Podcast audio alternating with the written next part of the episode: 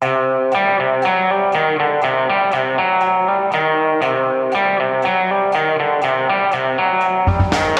En senator på republikansk side stemte for å avsette president Trump i riksrettssaken. Er Mitt Romney den siste ekte republikaneren i USA? Og hva er ølen Betong, og hva har det med Russland og de hemmelige tjenestene å gjøre? Dette er Gauri Gjengen 6.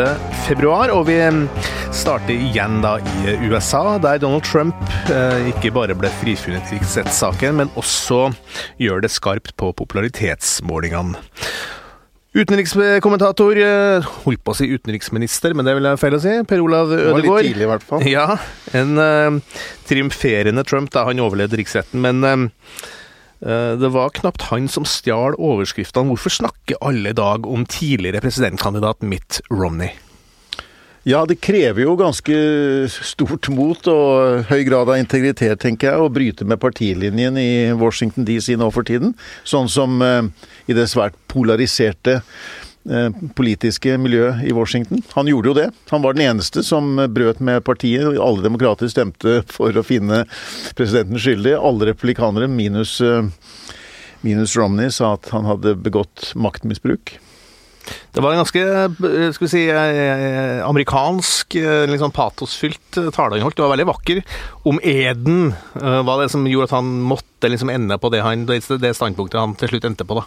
Hans eget livssyn og den høytidelige eden han avla, og de andre også avla. Og vi kan jo huske den Jeg vet ikke om vi husker det, men de avla en ed når riksrett tok til, at de skulle vurdere bevisene i saken upartisk og kun på det eh, grunnlag, eh, og ikke noe annet. Eh, men er det noe vi har sett her, så er det at denne saken er blitt vurdert med partibriller, og bare det. Er ikke det å bryte eden egentlig noe av det verste en politiker kan gjøre i USA? Er ikke det litt sånn, var det ikke det med, med han Clinton også? at han du skal jo ikke lyge heller, men det er jo det de skal ta han på i Lewinsky-saken. Altså, er, den, er den verdt noen ting? I sånn som, som, som uh, polariseringa er der borte nå? De, de, nå vil de enkelte senatorer selvfølgelig finne måter å rasjonalisere dette på, og forklare sin stemmegivning, at dette er det vi mener er også det riktige, mm. og slik vi vurderer det. Men uh, jeg mener jo at denne saken er ha en langsiktige konsekvenser. Fordi eh, hele det amerikanske system bygger jo på maktbalanse. Eh, og eh, Kongressen er pålagt å drive, ha et tilsyn med den utøvende makt, som er presidenten. Og i dette tilfellet så er det veldig vanskelig å se for seg at republikanerne, som jo da har flertall i Senatet, at de i noe tilfelle skulle kunne finne Trump skyldig. Eh, fordi han har det partiets fulle lojalitet nå. Han eier egentlig dette partiet. Mm. Og det er jo ganske eh, interessant da, at det var den mannen som var den forrige presidentkandidat for Det republikanske partiet. Altså i 2002 så var det Mitt Romney som stilte opp, som ble valgt til å være, representere republikanerne. I 2012, ja. I 2012, ja, unnskyld. Ja, ja. Altså mot, uh, mot Barack Obama, Obama som da skulle søke, som søkte gjenvalg. Um, og Romney representerer jo på mange måter liksom det gamle republikanske partiet som vi kjenner, da. Og det, uh, derfor jeg tenkte liksom, er, er han den siste, den siste overlevende, for så vidt, fra den gamle æraen i The Grand Old Party?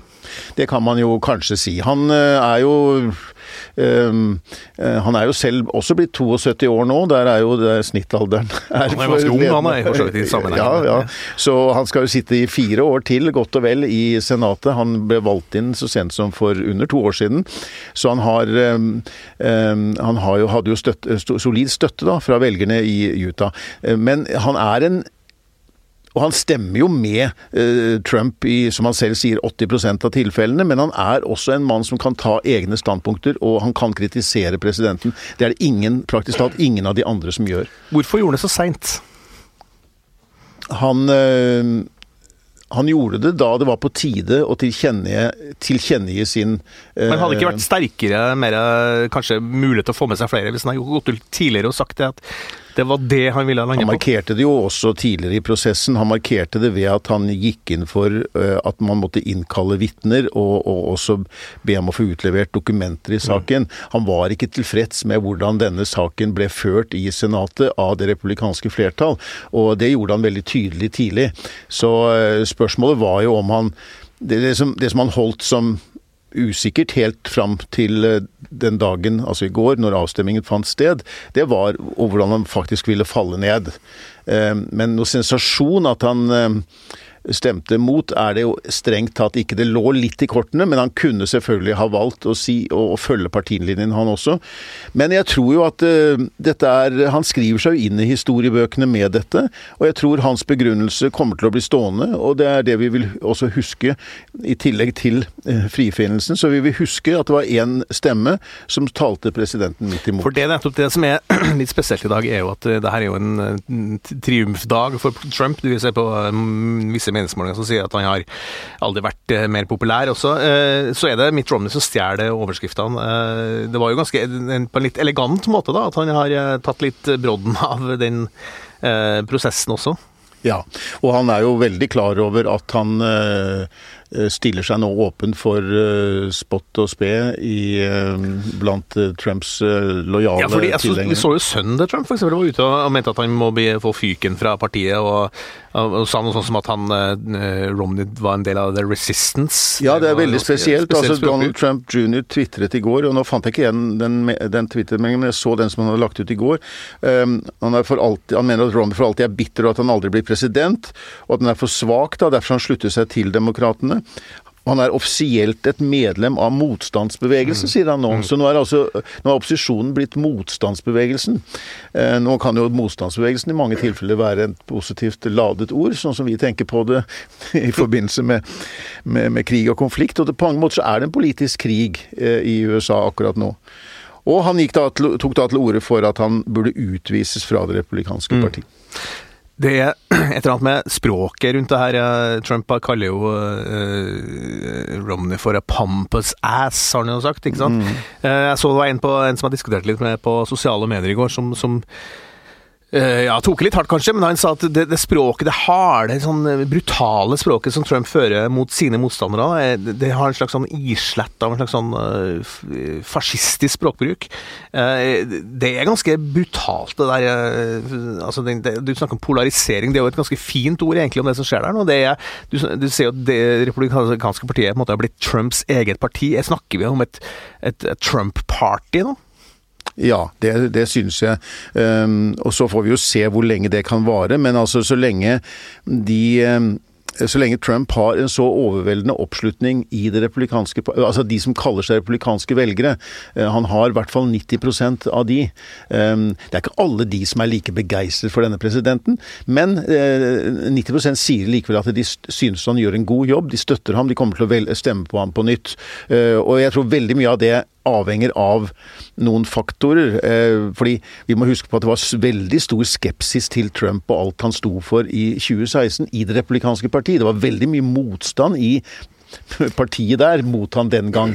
Og jeg tror nok mange velgere, og det viser jo også meningsmålinger, at de, de, mener, eh, ganske mange av de også, at han har nok gjort seg skyldig i de tingene han anklager for her. De syns ikke det er viktig nok, eller at det er stort nok, eller at det bør føres til eh, at riksrett er en politisk prosess, mener de, og sånne ting, og at det er ikke noe eh, grunnlag for å fjerne ham. Men de, de forstår for så vidt dette. Men det, det betyr mindre, mm. og de mener at han leverer på de tingene og, som er viktige for dem. Og det må jo bety at republikanske velgere i USA USA mener oppriktig at Donald Trump er en bra president.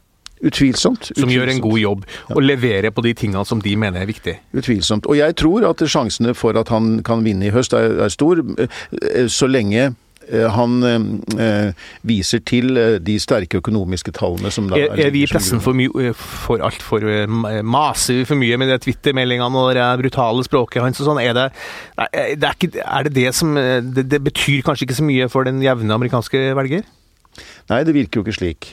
Og det er mulig at man er blitt for opptatt av det. Men jeg syns det er samtidig vanskelig å overse det også. Det er jo en, som du sier, det er blitt en mye, mye hardere debatt. og Det er ganske skremmende i et demokrati hvordan, hvilke ord man bruker. Og når du ser Nancy Pelosi rive opp hans manus, som jo da var en, eh, var en, handling som man kan godt stille spørsmål hvor klokt det var. Og, etter State of the Union-talen. Union mm. det, det, det, kan man godt si. Men, men, det får jo de samme menneskene som da bruker så harde ord om sine politiske motstandere, til å gå helt uh, av skaftet og, og, og, mene dette her er lovbrudd, og det er uh, noe så grovt som man knapt nok har sett. Det er en veldig overreaksjon når de selv da møter en slags motstand. Ekstremt fascinerende å se at uh, en president som Trump, som bruker et sånt språkbruk, en så, sånn type språk, og er så brutal mot sine motstandere, tvert når noen andre svarer med litt det samme middelet, så, så, er det liksom de som svarer som er skurken, ikke han som på en måte legger opp smashen. da. Ja, Men han mener jo da at han har vært utsatt for denne heksejakten, og hvis han skal fortelle mer om det nå i kveld Og han, han, han sier at det er ikke han som har vunnet, men det er liksom er nasjonen som har vunnet denne kampen mot heksejakten. Nasjonen, det er han. Ja. Han er jo sånn han ser på seg. Det er sånn han ser på det. Det er Ludvig den 14. Det. Ja. Ja. Litt skummelt det der, altså. Det må vi si. Eh, det er vel sjelden vi har sett en så mektig president, en så egenrådig president som vi har nå. Ja, men det var jo som derfor, vi, som amerikanerne har nå. Det var jo derfor grunnlovsfedrene også hadde ja. dette, skrevet dette med riksrett, for de ville ikke ha en sånn konge som de hadde i Europa på den tiden. Kong Donald, altså. Du, eh, nå skal vi snakke om noe helt annet, eller kanskje ja, litt sånn beslekta på en eller annen måte. Fordi det, altså, ølen betong er noe som alle i vårt habitat, journalistiske habitat driver og snakker om for tida, Astrid Mæland. Hva i all eh, verden Altså, de har eh, Ølen betong, da, en bedrift da, som har saksøkt staten da, for det de mener er amatørmessige rekrutteringsforsøk fra E-tjenesten og PST. Så hva, hva, er det her for noe? Hva handler den saken om? Ja, den går altså i Oslo tingrett den uka her. Det er Ølen Betong som har saksøkt staten. De vil ha 130-40 millioner fra staten, for de mener at de har mista en stor kontrakt i Russland. Um, og det Ølen Betong er egentlig et industrieventyr. Starta på 70-tallet sammen med, med, oljeindustrien nede i Rogaland. Førte de oljeindustrien, den norske oljeindustrien oppover eh, kysten, kom til Hammerfest og var med på utbygging av Snøhvit, og så for de over grensa. Det var den tida her da det skulle bli et eh, Little Norway i Murmansk og nordområder, var det store i norsk eh, politikk. og Jonas Gahr Støre var utenriksminister, og forholdet til Russland var godt. Eh, da har vi stor tro på at vi skal gjøre det stort oppe i Murmansk. Og Ølen Betong har jo etablert seg, eget firma i, i Murmansk, holdt på i mange år. Um, posisjonert seg mot Stokmann-utbygginga, hvis dere husker den. Den som aldri ble noe tå, som eh, Statoil skulle gjøre sammen med russerne. Eh, men eh, ja, klarte seg ganske bra.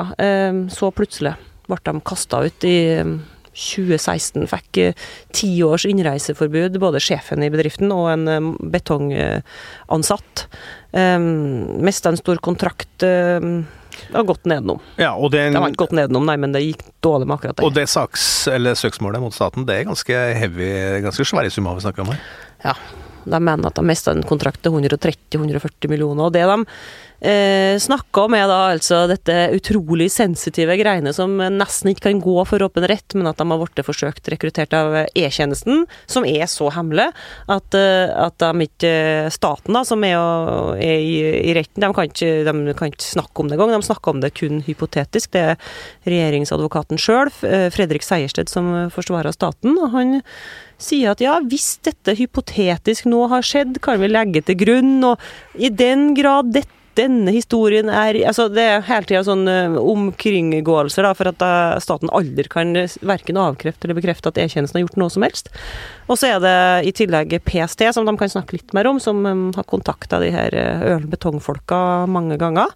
Og det mener Ølen Betong har ført til at russiske KGB, som nå heter FSB, har fått med seg det her, blitt sur, mm. kasta dem ut. Og på vitnelista står bl.a. Frode Berg. Frode Berg, ja. Hva er det han, eh, Hvorfor er Frode Berg en interessant person og, som skal på en måte fortelle sin historie inn oppi det her? Han har den samme fortellinga som de ansatte i Ølen Betong.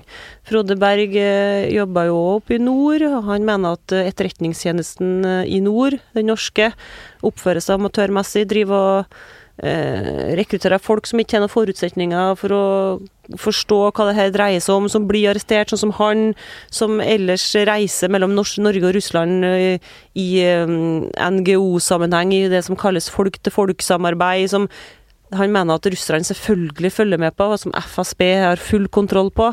Eh, så det er naivt og dumt og amatørmessig å drive og nærme seg de her, prøve å snakke med dem i det hele tatt, og i hvert fall rekruttere dem. Og det er mange andre som har vært i retten denne uka her, og som har sagt eh, litt av det samme. Litt mildere versjoner, blant bl.a. Rune Rafaelsen, som er ordfører i, i Kirkenes, eller i Sør-Varanger. Uh, har òg fortalt om flere uh, uheldige episoder, slik som han ser det, der uh, PST har nærma seg folk uh, der det er altfor åpenlys kontakt og og så videre. Og Jonas Gahr Støre har vi vitna i saken. Hvorfor det? Nei, det er et godt spørsmål. Det, det kom ikke noe godt ut av det for ølbetong, men det de skulle prøve å ha fram med det, var at staten snakka med to tunger den gangen når han var utenriksminister og eh, ville ha folk til å etablere seg i Murmansk, men samtidig som han sendte etterretningstjenesten etter dem. Men, men Jonas Gahr Støre eh, oppførte seg som en gammel utenriksminister skal, og sa at vi selvfølgelig trenger etterretning, og vi trenger PST. Men det må jo være fryktelig frustrerende for eh, bedriften, som jo har tapt eh, store summer, og på en måte ha en sak mot eh, noe som ingen helt vil innrømme engang eksisterer. Det, det, det jo, må jo være ganske underlig å stå der på Du har jo vært til stede i rettssaken. Ja, ja. hvordan, hvordan, er den stemninga? Det er dårlig stemning, vil jeg si. Og det er kjekling mellom hva vi skal si, statens representanter og advokatene til Ølen Betong. Ølbetongs uttrykker ganske tydelig i pausene mellom eh, rundene at han er frustrert og syns at det er håpløst å snakke med, med, med PST og myndighetene. Han vil ikke si noen ting. Uh, og det har vært mye lukka rett for øvrig, som ikke har kunnet fått være med på, da, sjølsagt. Det er jo forståelig, og det er jo hemmelige tjenester det er snakk om. Uh, men det som jeg tror er problemet for Ølen Betong, er jo at um, det er mange andre som har blitt sendt ut av Russland i samme periode som de har blitt sendt ut. Norske forskere annet har fått innreisetilbud. Og Forbud. Forbudet, ikke ja. tilbud. Nei, forbud. Men ikke og... henta over som et tilbud men nå må det komme. Tvert imot, nå er russerne veldig mistenksomme. ja. Jeg setter her i et litt sånn større bilde. Etter Krimkrigen, eller annektering av Russ eh, Krim av Russland i 2014, så ble det jo dårlige forhold. Det Little Norway som de skulle bygge opp i Murmansk, ble aldri noe av. Vi har gått i fryseboksen med Russland. Vi er uvenner, vi har sanksjoner.